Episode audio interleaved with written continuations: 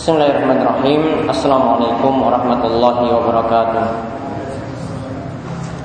Innalhamdulillah Nahmaduhu wa nasta'inuhu wa nastaghfiruh Wa na'udzu billahi min shururi anfusina wa min sayyiati a'malina.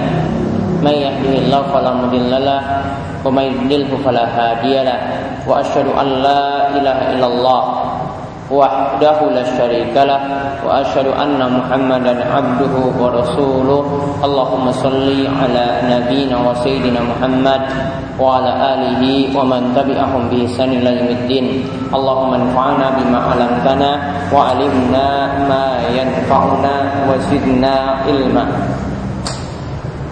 Ikhwani Fiddin wa khatafillah Para jamaah sekalian yang mugi-mugi selalu dirahmati dan diberkahi oleh Allah Subhanahu wa taala.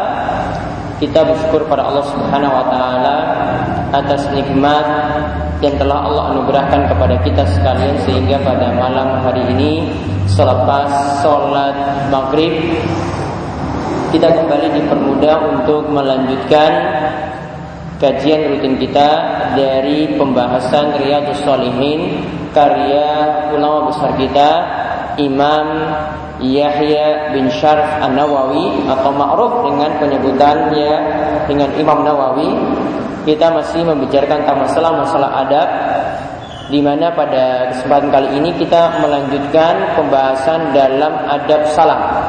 Kita melanjutkan pembahasan dalam adab salam. Pertemuan sebelumnya kita membahas tentang disunahkannya mengulangi salam ketika bertemu berulang kali. Disunahkannya mengulangi salam ketika bertemu berulang kali. Dan hadis terakhir yang kita bahas yaitu hadis 861 dari Abu Hurairah radhiyallahu anhu ia berkata bahwasanya Rasulullah sallallahu alaihi wasallam bersabda "Idza laqiya ahadukum akhahu fa yusallim alaihi" Jika salah seorang di antara kalian bertemu dengan saudaranya, maka hendaklah dia mengucapkan salam. Fa in halat bainakuma syajaratun aw jidar aw hajarun. Jika ada pohon, dinding atau batu yang menghalanginya lantas summa lakiyau bertemu kembali fal salim alaihi. Hendaklah mengucapkan salam itu lagi yang kedua kalinya atau yang berulang kali. Hadis ini diriwayatkan oleh Imam Abu Daud sebagaimana dikatakan oleh Imam Nawawi. Untuk kesempatan kali ini kita membahas bab yang baru yaitu bab 135 di mana Imam Nawawi membawakan judul bab istihbabus salam idza dakhala baitahu Disunahkan mengucapkan salam ketika masuk rumah. Disunahkan mengucapkan salam ketika masuk rumah. Jadi intinya di sini bab ini nanti mengajarkan kepada kita bagaimanakah pendidik Islam tatkala kita masuk rumah itu diperintahkan untuk menebarkan salam diperintahkan untuk mengucapkan salam yaitu doa kebaikan kepada orang yang dalam rumah supaya mereka terselamatkan dari kejelekan juga bisa meraih kebaikan dan juga mendapatkan keberkahan terus menerus. Dalil yang dibawakan oleh Imam Nawawi di sini di antaranya adalah ayat Al-Quran yaitu firman Allah Subhanahu Wa Taala dalam surat An-Nur ayat ke-61. Allah berfirman, "Fa iza dakhaltum buyutan fasallimu ala anfusikum tahiyatan min 'indillah mubarakatan thayyibatan." Jika kalian memasuki rumah-rumah, maka ucapkanlah salam atas diri kalian. Di sini dikatakan ala anfusikum atas diri kalian karena satu mukmin dan mukmin yang lainnya itu bersaudara. Maka disebut fasallimu ala anfusikum. Ucapkanlah salam atas diri kalian. Karena satu muslim dan muslim yang lainnya itu satu tubuh. Maka disebut demikian. Tahiyatan min indillah sebagai salam penghormatan dari sisi Allah.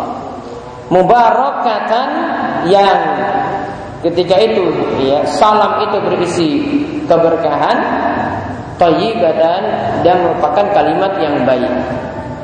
Nah inilah yang disebutkan dalam surat An-Nur ayat ke-61. Intinya dalam ayat ini ada perintah jika masuk rumah dikatakan fasallimu ala anfusikum. Ucapkanlah salam atas diri kalian. Namun yang dimaksudkan di sini adalah ya sesama muslim saling mengucapkan uh, mengucapkan salam satu dan yang lainnya dan ini berlaku ketika masuk rumah. Adapun hadis yang membicarakan hal ini yaitu hadis nomor 862 dari Anas radhiyallahu anhu ia berkata Qala li Rasulullah sallallahu alaihi wasallam Rasulullah SAW itu mengatakan kepadaku Ya bunayya idza dakhalta ala ahlika fasallim yakun barakatan alaika wa ahli baitik.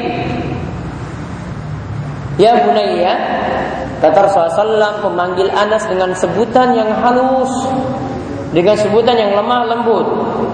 Ya bunayya wahai anakku jika engkau masuk rumah ala ahlika untuk bertemu dengan keluargamu. Fasallim, maka ucapkanlah salam. Manfaatnya apa? Barokatan alaika itu sebagai keberkahan untukmu, untuk dirimu. Wa ala ahli baitik dan juga keberkahan untuk keluargamu. Sekali lagi lihat Anas dinasihati oleh Rasulullah SAW Wahai anakku ya bunayya Iza dakhalta ala ahlika jika engkau masuk ke dalam rumahmu bertemu dengan keluargamu fasallim maka ucapkanlah salam. Manfaatnya apa? Disebutkan ada dua manfaat. Yakun barokatan alaik itu sebagai keberkahan untukmu, doa berkah, doa kebaikan untukmu. Wa ala ahli baitik dan ini juga doa kebaikan untuk keluargamu. Hadis ini dikatakan Imam Nawawi rawahu Tirmizi diriwayatkan oleh Imam Tirmizi dan Imam Nawawi katakan di sini dinukil ia mengatakan bahwasanya hadis ini hasan sahih. Hadis ini hasan sahih.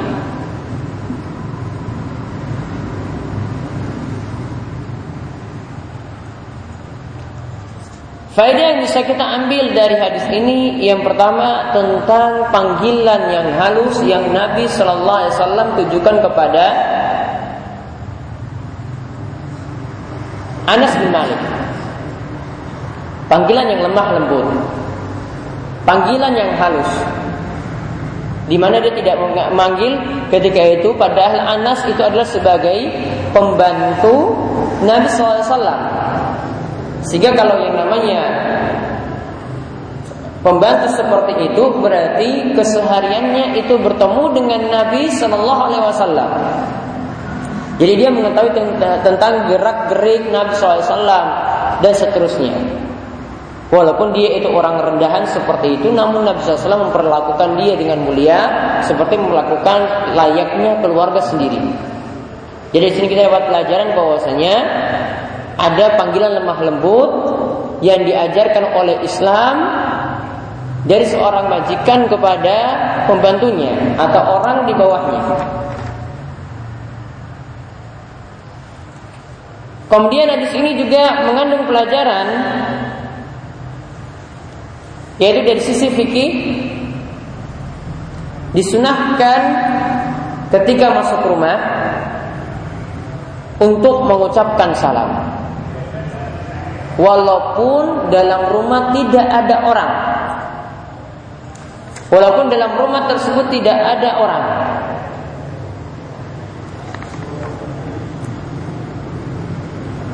Kalau tidak ada orang maka sebagaimana yang disarankan oleh para ulama di antaranya disebutkan oleh Imam Nawawi dalam kitabnya Al-Azkar Walaupun di sini kami sendiri belum mengetahui ada nas yang sore yang tegas yang menyebutkan hal ini. Namun ini dipraktekkan oleh para ulama ketika masuk di dalam rumah yang kosong. Maka ucapkanlah salam Assalamu alaina wa ala ibadillahi salihin. Assalamu alaina wa ala ibadillahi salihin. Begitu pula ini berlaku kata para ulama ketika masuki masjid jika tidak ada orang atau ketika masuk ke rumah yang lainnya. Laisa ahad. Tidak ada orang yang lain di situ. Disunahkan untuk mengucapkan salam tadi. Assalamu alayna wa Semoga selamat untuk kami Dan juga hamba-hamba Allah yang soleh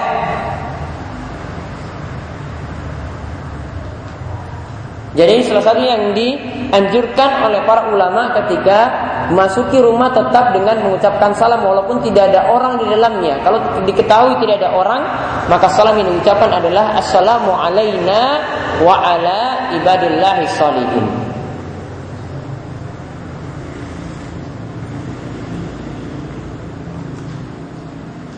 Dan sebagaimana sudah dijelaskan sebelumnya sebagaimana dikatakan oleh Ibnu Qayyim dalam kitab kitabnya Miftah dari Sa'adah bahwasanya perkataan assalamu alaina atau assalamu alaikum doa salam di sini artinya keselamatan dari berbagai macam kejelekan. Artinya kita doakan semoga diri kita sendiri itu selamat dari berbagai macam kejelekan. Sedangkan kalau disebut iwa ala ibadil salihin dan juga salam bagi hamba-hamba Allah yang soleh.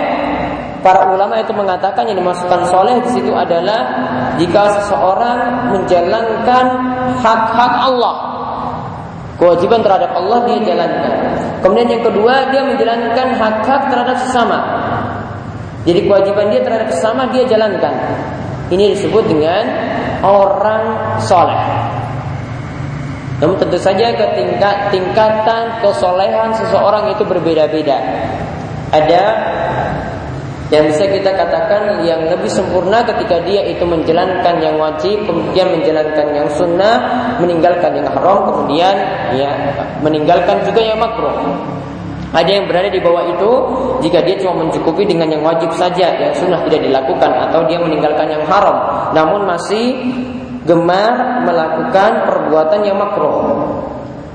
Jadi orang soleh pun bertingkat-tingkat.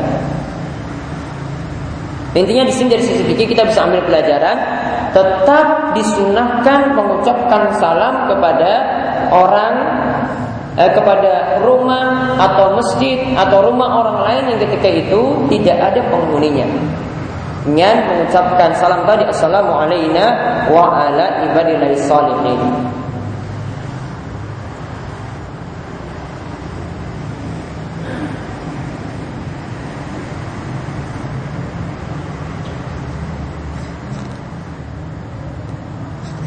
Kemudian dalam hadis atau tadi ketika kita melihat perkataan fasallimu ala anfusikum yaitu dalam ayat surat An-Nur ayat 61 tadi, fasallimu ala anfusikum. Tadi saya sudah jelaskan yang dimaksudkan adalah falusallim ba'dukum ala ba'din. Yaitu yang dimaksudkan sini adalah ucapkanlah salam satu dan yang lainnya. Li'annal muslimina ka'annahum sahsun wahid. Syekh Asadi memberikan alasan karena orang muslim itu adalah satu badan. Dan kalau dikatakan ya mengucapkan salam satu dan yang lainnya maka seperti satu badan sehingga ketika itu salamnya diucapkan seperti itu. Jadi dimaksudkan sini adalah bukan salam untuk diri sendiri namun salam untuk sesama muslim.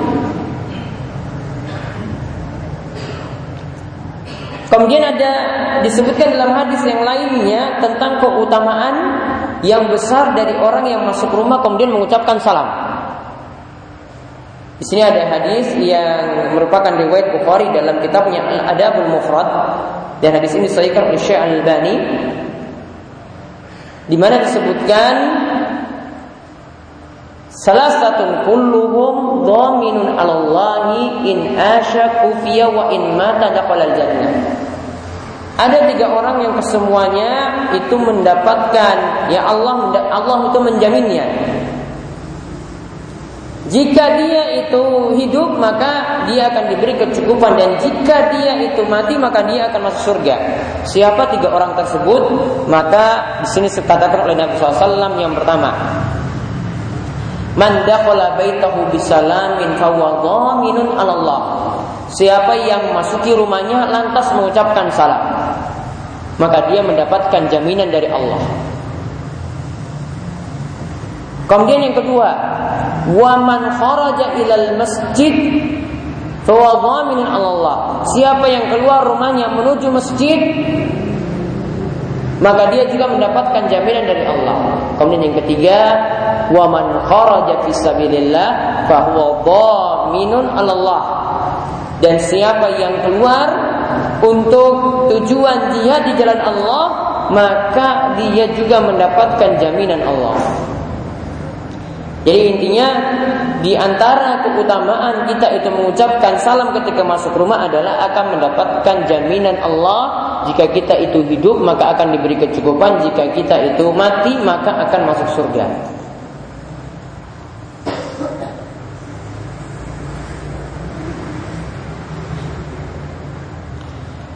Dan di sini para ulama itu praktekkan bahwasanya salam ini berlaku bisa berulang kali. Jika masuk rumah, ucapkan salam, kemudian keluar lagi, kemudian masuk rumah kembali, cuma beberapa saat saja, boleh mengucapkan salam ketika itu. Jadi salamnya bisa berulang kali. Sebagaimana kita lihat pada bab sebelumnya Imam Nawawi menyebutkan bahwa salam itu bisa diucapkan berulang kali. Nah, ini juga ketika masuk keluar rumah itu berulang kali boleh mengucapkan salam ketika itu. Ada riwayat di sini disebutkan oleh Ibnu Juraij yaitu dia mengatakan kepada Aqa yaitu Aqa bin Abi Rabbah Awajibun idza kharajta summa dakhalta an usallim alaihim Apakah wajib jika engkau itu keluar kemudian engkau itu masuk lagi lantas engkau itu mengucapkan salam untuk keluargamu? Mengucapkan salam untuk mereka? Kemudian apa mengatakan la. Tidak wajib. Wala usiru ujubuha ala ahadi. Dan aku tidak mengatakan itu wajib pada seorang pun.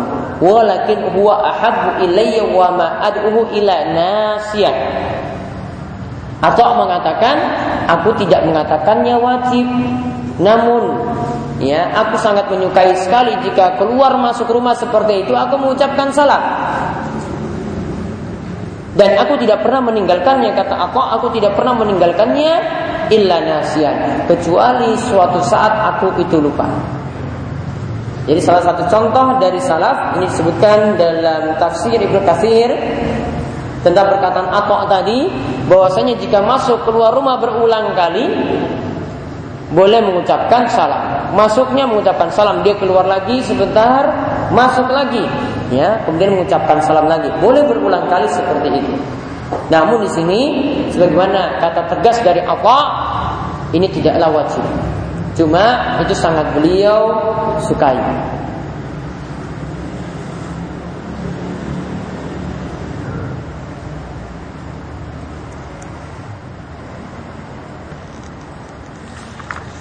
Kemudian disebutkan hikmah di sini. Jadi Nabi SAW menyebutkan alasan lagi kenapa kita mengucapkan salam kepada keluarga.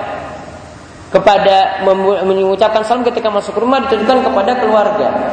Maka di sini dikatakan ya yakun barakatan alaika wa ahli baiti. Salam tersebut itu nanti keberkahan untukmu dan juga keberkahan untuk keluargamu. Dan yang dimaksudkan di sini sebagaimana yang dikatakan oleh penulis kitab Tuhfatul Ahwazi Al-Mubarakfuri beliau mengatakan Yang dimaksudkan di sini adalah anna hadza salam yakunu ziyadata barakatin wa kasrata khairin wa rahmatan. Bila katakan bahwasanya mengucapkan salam ketika masuk rumah ini kepada keluarga itu nanti menambah berkah dan juga menambah kebaikan dan juga menambah rahmat. Jadi manfaatnya seperti itu.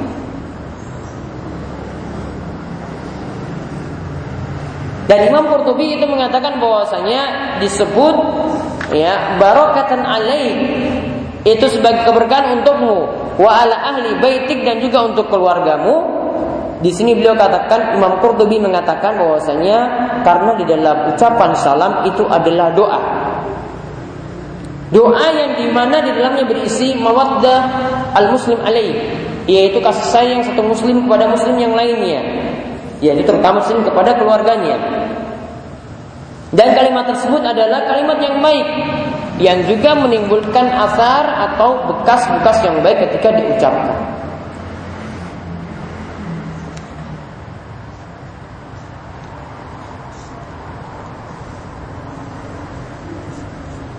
Intinya di sini hadis ini tadi ya yang dibawakan oleh Imam Dawawi ketika menyebutkan tentang disunahkannya salam ketika masuk rumah walaupun cuma satu hadis dan juga satu ayat Al-Qur'an ya di sini menunjukkan kesunahan hal itu ya di mana kita diperintahkan untuk menjaganya atau membiasakannya dan juga ini jadi alasan ya bahwasanya kita diperintahkan menebarkan salam di mana saja kita berada. Kemudian selanjutnya bab ke-136 bab assalam ala sibyan. Mengucapkan salam kepada anak kecil. Mengucapkan salam kepada anak kecil. Hadisnya nomor 863. An Anas radhiyallahu anhu dari Anas radhiyallahu anhu annahu marra ala sibyan. Hadis sebelumnya juga dari Anas ya. Dan ini juga dari Anas ya, bahwasanya dia pernah melewati anak-anak. Fasallama alaihim. Lantas Anas mengucapkan salam kepada mereka kepada anak-anak tersebut. Lalu Anas mengatakan, karena Rasulullah Sallallahu Alaihi Wasallam yaf'aluhu. Rasulullah SAW dahulu juga melakukan seperti itu, yaitu mengucapkan salam kepada anak-anak. Muttafaqun alaih. Hadis ini diriwayatkan oleh Imam Bukhari dan Muslim. Maka di sini bisa kita tarik beberapa pelajaran yaitu yang pertama sebagaimana yang dibawakan dalam judul bab ada perintah menebarkan salam juga kepada anak-anak. Dan ini sebagai penjelasan juga apa yang disebutkan oleh Imam Nawawi sebelumnya bahwasanya hendaklah yang muda mengucapkan salam kepada yang tua. Apa yang beliau sebutkan sebelumnya itu bukanlah harus, Kadang karena mungkin yang muda ataupun anak-anak di sini, ya mereka tidak mengucapkan salam, maka yang tua ketika itu mengucapkan salam kepada anak-anak, kepada yang masih bocah-bocah seperti itu. Kemudian di sini juga mengandung pelajaran bagaimanakah sikap dari Anas yang mencontoh atau menjadikan Nabi SAW sebagai kudwah, sebagai suri tauladan. Dia melihat Nabi SAW melakukan seperti ini, maka dia praktekkan juga seperti itu. Jadi dasarnya itu ada. Dan ingat bahwasanya Anas ini adalah pembantu Nabi SAW Jadi tahu keseharian Nabi SAW Dia kerjaannya itu apa Bagaimana tingkah lakunya Bagaimana kesehariannya? Bagaimana ketika dia bertemu dengan anak-anak? Ketika itu dia sapa, Nabi SAW itu sapa dan mengucapkan salam kepada mereka. Dan Anas seperti ini tahu dan dia ingin menjadikan Nabi SAW sebagai suri toladan yang baik baginya. Maka sikap kita juga hendaklah sama. Jadikanlah Nabi Shallallahu Alaihi Wasallam sebagai suri tauladan kita dalam kita itu bertingkah laku ataupun kita itu beramal.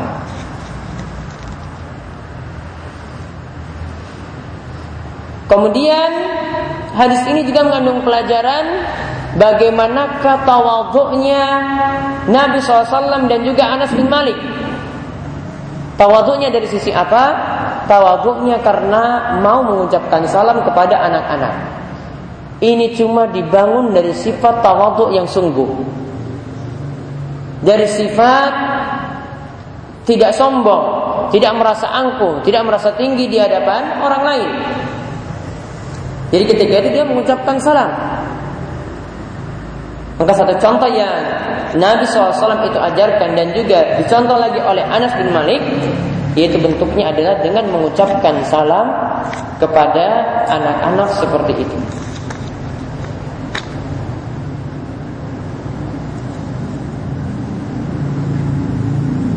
Kemudian hadis ini juga mengandung pelajaran yang lainnya bahwasanya mengucapkan salam kepada anak-anak ini sekaligus merupakan bentuk pengajaran kepada mereka supaya mereka tahu bagaimanakah Islam itu mengajarkan adab salam Islam itu mengajarkan anjuran untuk menyebarkan salam dan Islam mengajarkan bagaimanakah seorang muslim ketika diucapkan salam bagaimanakah dia itu menjawabnya.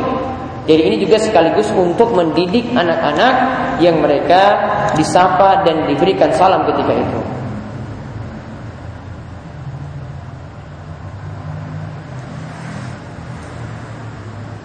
Kemudian yang berikutnya. Yaitu bab 137 tentang salam rajul rajuli ala zaujatihi wal mar'ati min maharimihi wa al ajnabiyatin wa ajnabiyat. La yakhaful fitnah bihinna wa salamuhunna bihadza syart yaitu dalam bab 137 ini disebutkan bab salamnya seorang laki-laki terhadap istrinya. Yaitu seorang suami dia mengucapkan salam kepada istrinya. Dan wanita mendapatkan salam dari mahramnya.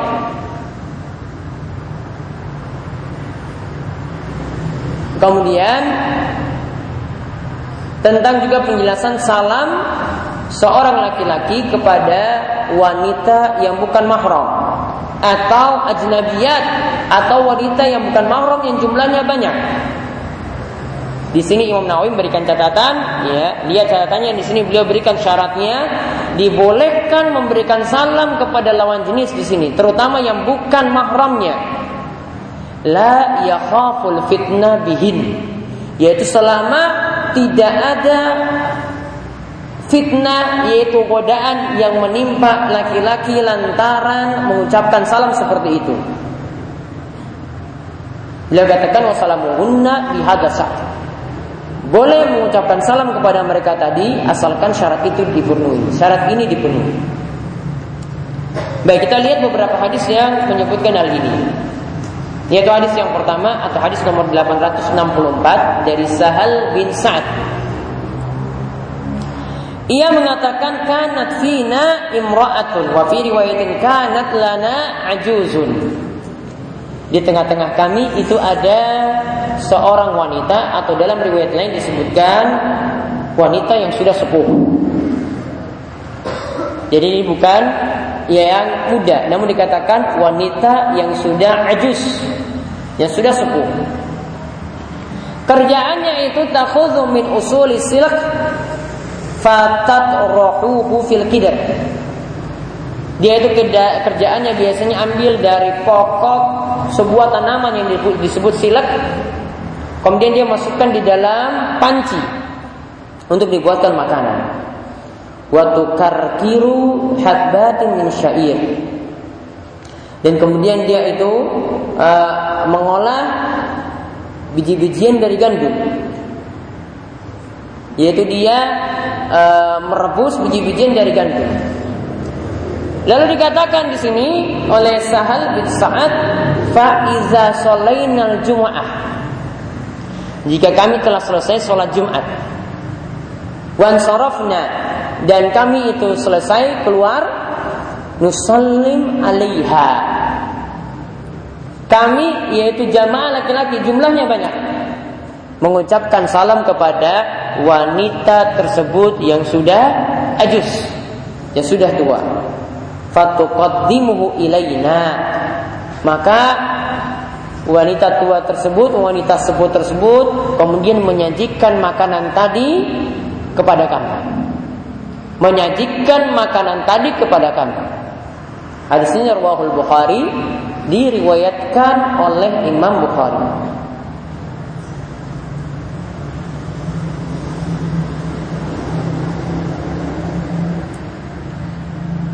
Hadis ini mengandung beberapa pelajaran di antaranya yang pertama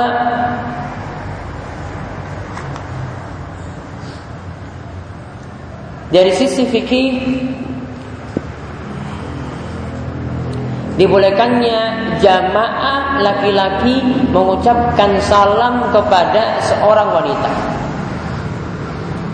Dengan catatan selama tidak menimbulkan mudarat, tidak menimbulkan bahaya atau godaan.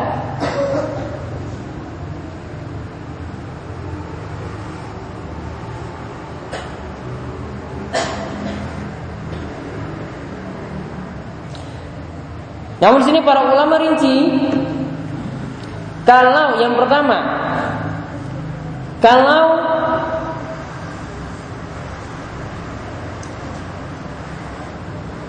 salam dari laki-laki itu kepada wanita yang sudah yang masih halal, yang sudah halal ya. Maaf, kepada wanita yang masih mahram atau sudah halal seperti istrinya, maka mengucapkan salam ketika itu hukumnya sunnah.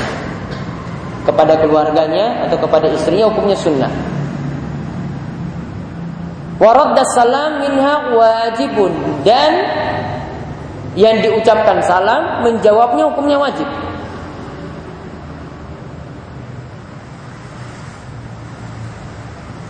Bahkan sini para ulama katakan disunahkan bahkan disunahkan ya ketika bertemu dengan keluarga ataupun mahram untuk mengucapkan salam.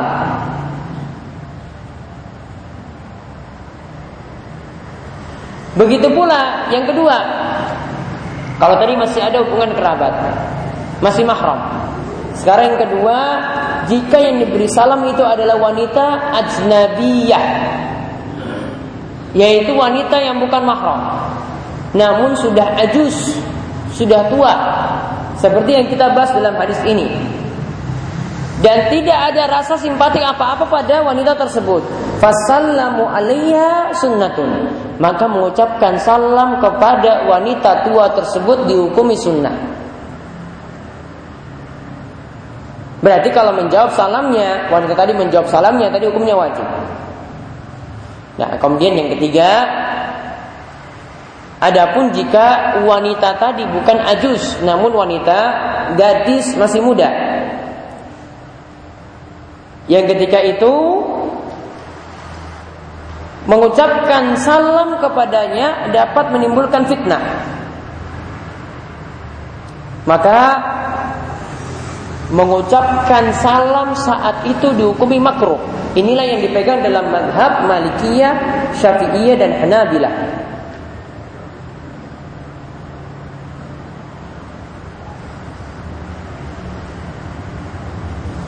Bahkan menurut ulama Syafi'iyah, mereka memiliki kata tegas tidak boleh juga menjawab salamnya. Ya, tidak boleh juga menjawab salamnya.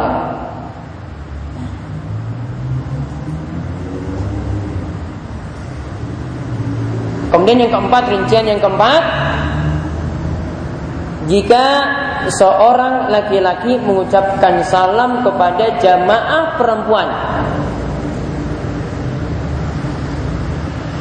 atau jamaah laki-laki mengucapkan salam kepada seorang wanita, seorang perempuan. Jadi bisa jadi tadi laki-lakinya satu ucapkan salam kepada perempuan yang banyak atau ya laki-lakinya yang banyak, perempuannya itu satu sebagaimana yang dikisahkan dalam hadis ini. Maka para ulama katakan hukumnya jais atau boleh. Namun mereka berikan catatan inda amnil fitnah. Tetap ada syarat selama tidak menimbulkan godaan. Berarti kita bisa rinci jadi empat tadi. Yang pertama, jika masih ada hubungan mahram atau dengan istri, maka ketika itu disunahkan untuk mengucapkan salam.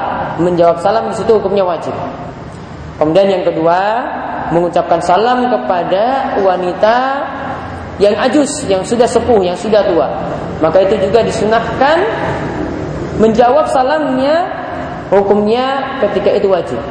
Kemudian yang ketiga, jika yang diberi salam itu adalah wanita yang masih muda, gadis, yang dapat menimbulkan fitnah godaan ketika mengucapkan salam padanya. Maka ketika itu tidak boleh atau dikatakan makruh. Menurut tiga ulama madhab dikatakan makruh. Saat mengucapkan salam bahkan ada kata tegas dari ulama syafi'iyah salamnya tidak perlu dijawab. Kemudian yang terakhir tadi sekarang untuk satu orang mengucapkan salam kepada kelompok wanita atau ya kelompok pria mengucapkan salam kepada satu orang wanita sebagaimana disebutkan dalam hadis ini hukumnya jais atau boleh Pelajaran yang lainnya bisa kita ambil dari hadis ini bahwasanya para sahabat ya punya semangat untuk menebarkan salam. Ketika selesai Jumat mereka tetap mengucapkan salam ketika itu ketika bertemu dengan orang yang sudah sepuh. Kemudian hadis ini juga menunjukkan pelajaran yang lainnya bahwasanya para sahabat mereka sangat bersemangat sekali melakukan sholat Jumat dan beraktivitas lagi yang lainnya setelah sholat Jumat. Bahkan mereka punya kebiasaan tadi untuk menyapa yang lainnya setelah sholat Jumat itu selesai.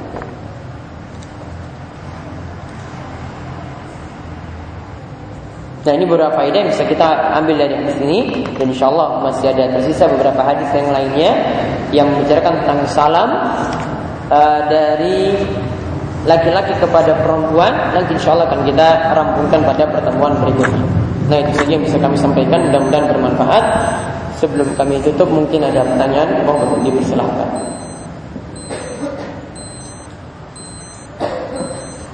Ada pertanyaan? Ya, Pak Sarijan ya. Kalau kita mau ke masjid tapi orang-orang yang saya lihat itu tidak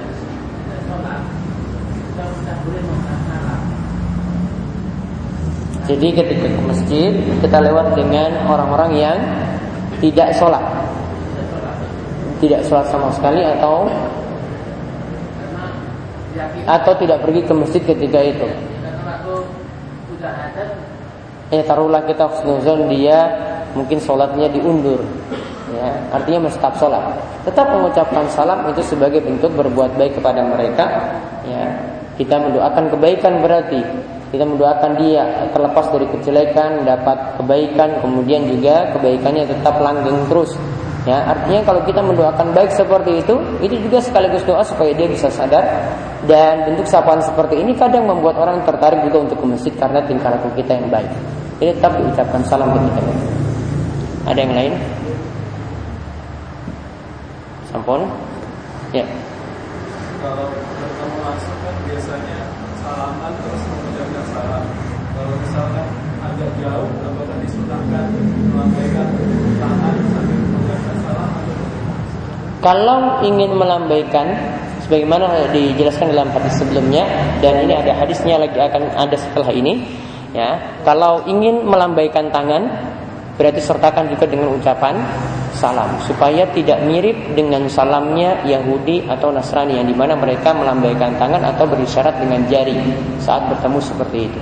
Jadi bisa seperti itu ya tanpa ya, dengan melambaikan tangan saja. Namun ada salam yang disertakan ketika itu. Ini termasuk juga ketemu bertemu, bertemu orang di jalan di seberang jalan atau bertemu teman mungkin di seberang sungai boleh melambaikan tangan seperti itu tapi disertakan juga dengan ucapan salam tidak cukup dengan melambaikan tangan saja ada lagi Baik, sampun. Uh, demikian pertemuan kita untuk hari ini mudah-mudahan bermanfaat. Mudah-mudahan Allah Subhanahu wa taala memberikan kita taufik dalam ilmu dan amal serta memberikan kita ke istiqomahan. Subhanakallahumma bihamdika asyhadu an la ilaha illa anta astaghfiruka wa atubu ilaik. Assalamualaikum warahmatullahi wabarakatuh.